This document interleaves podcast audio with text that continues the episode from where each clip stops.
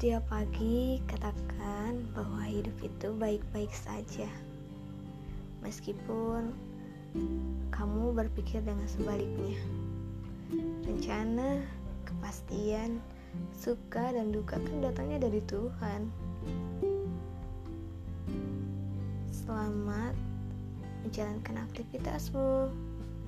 Jangan lupa untuk membaca doa, untuk tersenyum, dan mengakhiri dengan sebuah doa dan sebuah senyum kembali.